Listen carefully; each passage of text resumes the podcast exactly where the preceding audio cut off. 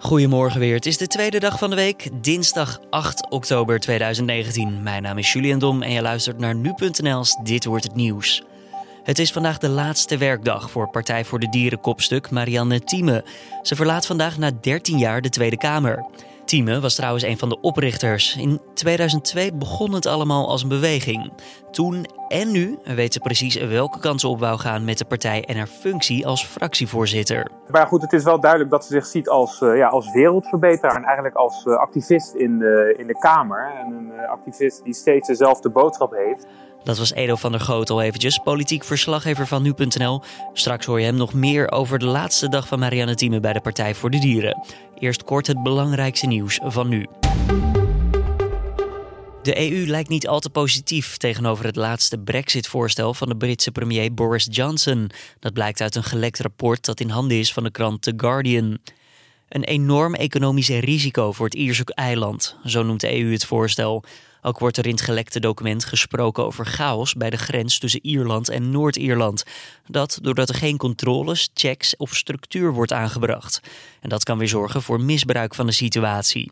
Ook zouden er problemen ontstaan met betalingen aan de grens indien Johnsons voorstel wordt doorgevoerd. Het circuit in Zandvoort wil enkele autosportevenementen schrappen om zo de Formule 1 veilig te stellen. Dat hebben bronnen bevestigd aan de Volkskrant. Volgens de krant hoopt de directie van het circuit zo de stikstofschade van de Formule 1 te compenseren. Een van de bronnen zegt in het gesprek hierover dat ze in ieder geval drie wedstrijden niet door willen laten gaan. Er zijn veel bezwaren van milieubewegingen tegenover de terugkeer van de Formule 1 naar Zandvoort. Ook zouden veel mensen last hebben van geluidsoverlast. Het feit dat het evenement zorgt voor schade aan de natuur in het duingebied Zuid-Kennemerland staat volgens de Volkskrant vast. Daarnaast zorgen veel werkzaamheden, zoals die aan het station van Zandvoort, voor problemen met de uitstoot van stikstof. In de Duitse plaats Limburg zijn maandag 17 mensen gewond geraakt nadat een man in een gestolen vrachtwagen op auto's inreed. Dat meldt het Duitse dagblad Frankfurter Neue Press. Zeker één van de slachtoffers zou zwaar gewond zijn en in kritieke toestand in het ziekenhuis liggen. Volgens getuigenverklaringen was de vrachtwagen kort voor de actie gestolen. De politie zoekt nog uit wat het motief van de dader is. De renovatie van het Binnenhof loopt mogelijk een jaar vertraging op. Dat meldt staatssecretaris Raymond Knops van Binnenlandse Zaken. De stikstofkwestie zou het project parten spelen, net als schaarste van het benodigde personeel en bouwmateriaal. Daarover schrijft het AD deze ochtend. Aanvankelijk was het de bedoeling dat politici van de Eerste en Tweede Kamer van de zomer van 2020 tot 2025 moesten uitwijken naar andere locaties. Nou, binnen een paar dagen moet duidelijk worden of die planning definitief van de baan is. De parlementsgebouwen worden opgeknapt omdat ze niet meer brandveilig zijn en diverse technische gebreken vertonen. Producten van de wegens met een listeria-besmetting gesloten Duitse vleesfabrikant, dat gaat om het bedrijf Wilke Waldecker, zijn ook in Nederland terechtgekomen. Het is echter niet bekendgemaakt bij welke Nederlandse bedrijven de producten zijn geleverd. In Duitsland hebben de besmette vleeswaren voor twee dodelijke slachtoffers gezorgd. Meerdere IKEA-vestigingen in Duitsland verkopen worsten van het bedrijf. Maar een woordvoerder van IKEA Nederland zegt dat Wilde Waldecker niet aan Nederlandse vestigingen producten leverde. Eerder raakte ook de Nederlandse vleesfabrikant Offerman in opspraak vanwege de Listeria-bacterie. Door die besmetting kwamen drie mensen om het leven en kreeg één vrouw een miskraam. En toen dat bekend werd, is een tijdelijke handelstop ingelast en werd de productie platgelegd. Dan ons gesprek van deze dag, Marianne Thieme. Ze verlaat vandaag na 13 jaar de Tweede Kamer. Vorige maand liet ze weten dat het wat haar betreft een goed moment is om het stokje over te dragen. En was een van de oprichters van de Partij voor de Dieren, die in 2002 als een beweging begon. Collega Carne van der Brink ging in gesprek met politiek verslaggever Edo van der Goot over het vertrek van Thieme en vroeg of het vertrek voor hem als een verrassing kwam. Ja, dat kun je eigenlijk wel zeggen. Bijna niemand zag dit uh, aankomen. Ze maakte het op een zondag bekend, ongeveer twee weken geleden, anderhalve week geleden, uh, op een partijbijeenkomst in Den Haag. En ja, iedereen werd daar een beetje door overvallen. En aanwezige pers, dat waren er ook niet zoveel, maar die konden ook geen vraag meer stellen. Ze was daarna gelijk, uh, gelijk weg. En ja, dat, dat was het eigenlijk. Dus dat was best wel een donderslag bij heldere hemel. Ja, want is er nu al iets bekend over eh, het feit waarom ze nu weggaat? Ze was al een tijd afwezig de laatste tijd. Is daar, is daar misschien een link mee te maken? Nou, ze is een tijdje uit de Kamer geweest dit jaar. Dat klopt inderdaad. Waarom dat was, uh, is niet bekend uh, gemaakt. Dat is nooit naar buiten gekomen. Dus ik kan niet zeggen of dat daarmee te maken heeft.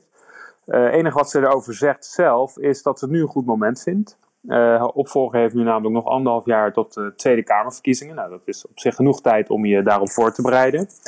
Ja, aan de andere kant, je kan zelf ook wel een beetje de optelsom maken wellicht. Uh, ze is 17 jaar lang actief geweest voor de partij, waarvan uh, 12 als fractievoorzitter. Ze kwam in 2006 in de Tweede Kamer. En ja, wat ze wel aangeeft is dat ze zich intensiever wil bezighouden met de opbouw van een internationale politieke dierenbeweging. Uh, en dat deed ze eigenlijk ook al toen ze fractievoorzitter was.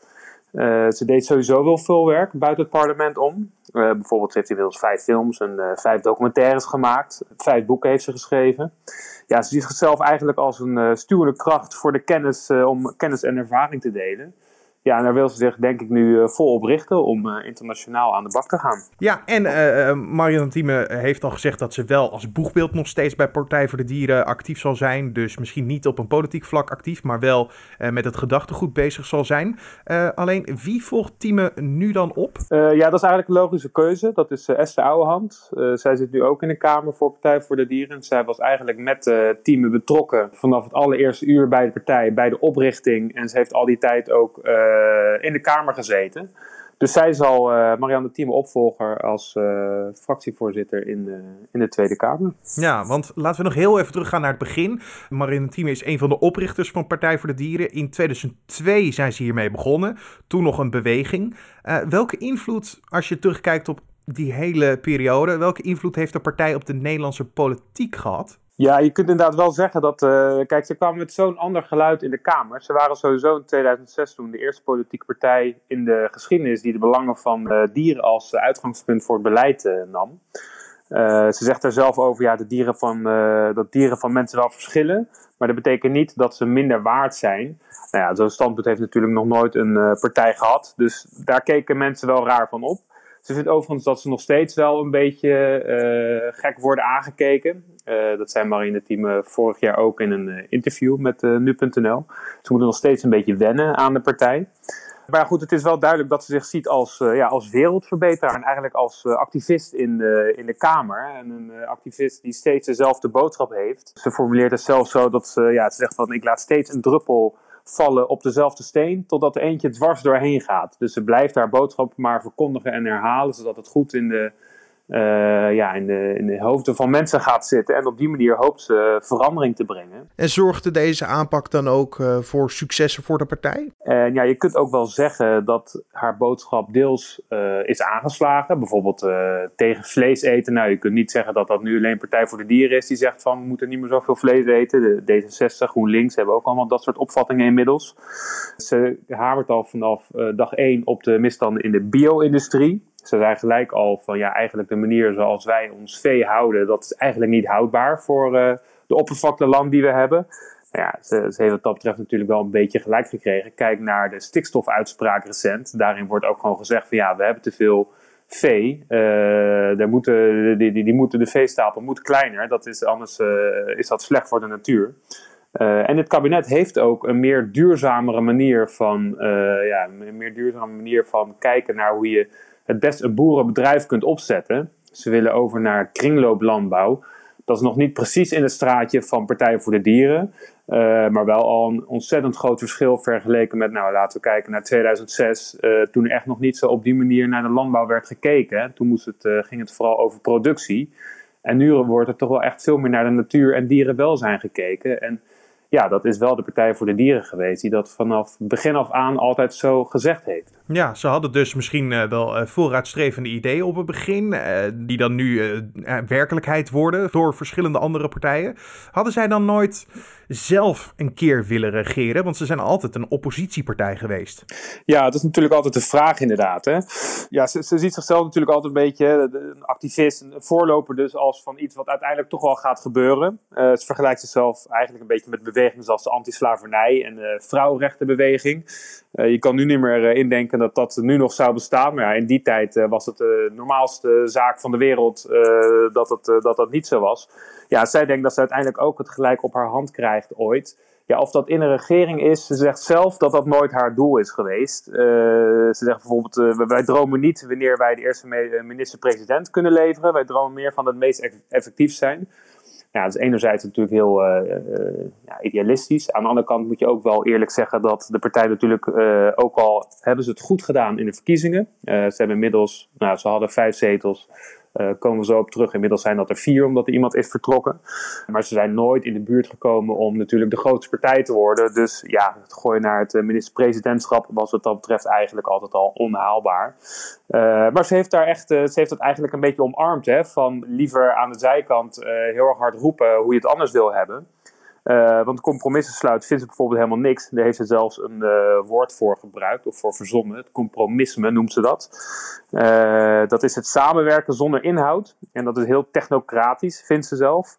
En daar zal de partij eh, zal daar, eh, wat haar betreft, wat teamen betreft, nooit aan meewerken. Ja, en dat is de manier hoe zij het liefst uh, politiek bedrijft. Maar je zei al, qua zetels gaat het goed met de partij. Tuurlijk, het is een oppositiepartij, dus ze zullen nooit het aantal zetels van een VVD of een, of een uh, GroenLinks halen op dit moment. Dat aspect gaat goed dus voor de partij. Maar achter eh, de gesloten deuren gaat het wat minder goed met de partij, volgens mij. Nou, de partij heeft inderdaad de afgelopen jaren altijd uh, kleine succesjes geboekt. Uh, electoraal, puur electoraal gezien. Maar afgelopen zomer was daar opeens uh, ja, toch, uh, toch veel onrust binnen de partij. Afgelopen zomer was daar de afsplitsing van uh, Femke Merel van Koten, Kamerlid voor Partij voor de Dieren, die ja, opeens zei van ik, ik wil niet meer binnen de partij zitten. Uit onvrede ja, vanwege eigenlijk de sfeer binnen de partij, maar ook zeker de koers, heeft ze gezegd van ja, ik, ik voel me daar niet meer prettig bij. Zij kwam terug van zwangerschapsverlof, maar ze wilde eigenlijk nog wat langer ja, rustig aandoen, omdat ze zegt ja, ik heb toen een zware tijd gehad. Hoe daarop werd gereageerd binnen, binnen de fractie, daar, kon ze, daar, had ze geen prettig gevoel bij. Er werd een beetje kil gereageerd, uh, vond uh, Van Koten. Door teamen onder andere. Uh, maar ook daadwerkelijk wel, ja, je kan wel spreken van een beetje een oneenigheid over de koers. want Van Koten die zegt, ja, ik wil me meer bezighouden. Ik wil me ook bezighouden met ja, dingen die mensen aangaan. Maar dat werd daar eigenlijk niet in dank afgenomen. Het team wil echt bij de, ja, bij de core blijven, zoals het zelf zegt. Dus echt over natuur en uh, dieren. Ja, die mensen dingen, dat, dat werd volgens Van Koten de futiele mensen dingen genoemd. Met andere woorden, uh, laat dat gewoon lekker voor wat het is. Dat, daar maken de andere partijen zich wel druk om. Wij voeren actie voor natuur en dier. En daar moeten we vooral bij blijven. En uh, ja, maak je geen illusie dat wij opeens een soort van brede partij worden. Dat is echt een beetje een gruwel voor uh, Partij voor de Dieren. En dat zie je dus eigenlijk niet alleen in de, in de fractie, dat zie je ook op bestuurlijk niveau. De, de voorzitter, Sebastian Wolfswinkel, die is afgelopen zomer tot voorzitter gekozen door de leden van de partij. Maar dat is eigenlijk een beetje een apart verhaal, want de medebestuursleden die zien hem helemaal niet zitten. Die willen helemaal niet dat die uh, Wolfswinkel uh, voorzitter is. Uh, dus daar, daar zit ook veel schuring. Wolfswinkel zegt, ja, ik, ik wil eigenlijk misschien ook wel verbreden. Ik wil meer democratie en meer openheid en meer transparantie in de partij. Maar er is ook een deel van die partij die daar helemaal niet zo op zit te wachten. Dat zijn met name de mensen die al wat langer bij de partij, uh, bij de partij zitten. En die Sebastian een, uh, is een jonge jongen. Komt uit de uh, jongerenorganisatie van Partij voor de Dieren. Ja, en die zegt van, ja, kom maar met die discussie. Ik wil dat wel graag. En die heeft zich in een aantal interviews, met name in het Algemeen Dagblad, op die manier zo uitgelaten. Waarop die andere bestuursleden weer, zich weer genoodzaakt voelden om daarop te reageren. En te zeggen van, ja, wij distancieren ons eigenlijk van wat hij daar heeft gezegd nou ja, als je op die manier uh, naar buiten toe communiceert uh, over hoe het gaat, dan kun je eigenlijk op je vingers natellen dat het uh, ja, toch wel een beetje een bestuurscrisis is. Dus daar is het laatste woord zeker nog niet over gezegd. Dat was politiek verslaggever Edo van der Goot.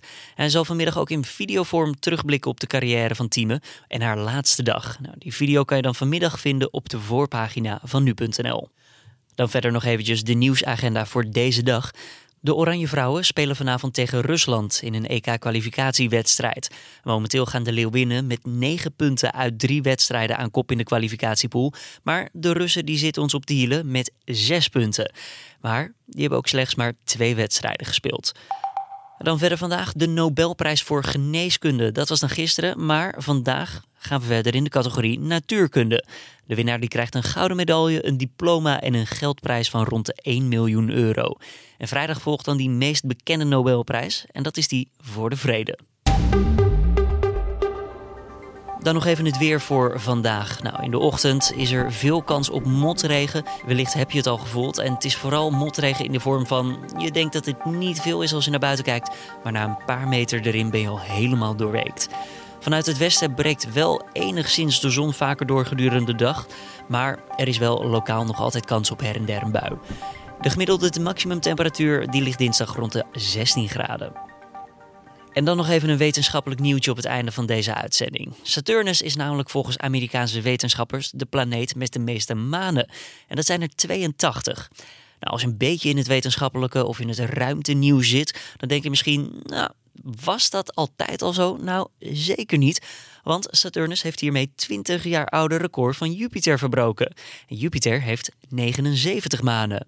Nou, het is niet zo dat er plots een aantal manen zijn ontstaan terwijl je sliep. Nee, dat totaal niet. Wetenschappers hebben nu met de Subaru-telescoop, dat ding staat op Hawaii, in totaal 20 nieuwe manen gesignaleerd die in een baan rond Saturnus draaien.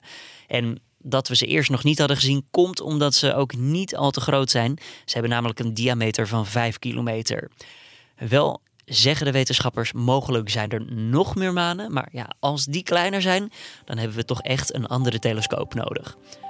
Dit was dan de Dit wordt het nieuws podcast van deze dinsdag de 8e van oktober. Heb je feedback voor ons? Laat het dan weten via podcast.nu.nl. Tips mogen ook die kant op, alles wat je maar wil. Mijn naam is Julian Dom. Ik wens je voor nu in ieder geval, ondanks de motregen, een hele goede dinsdag en tot morgen weer.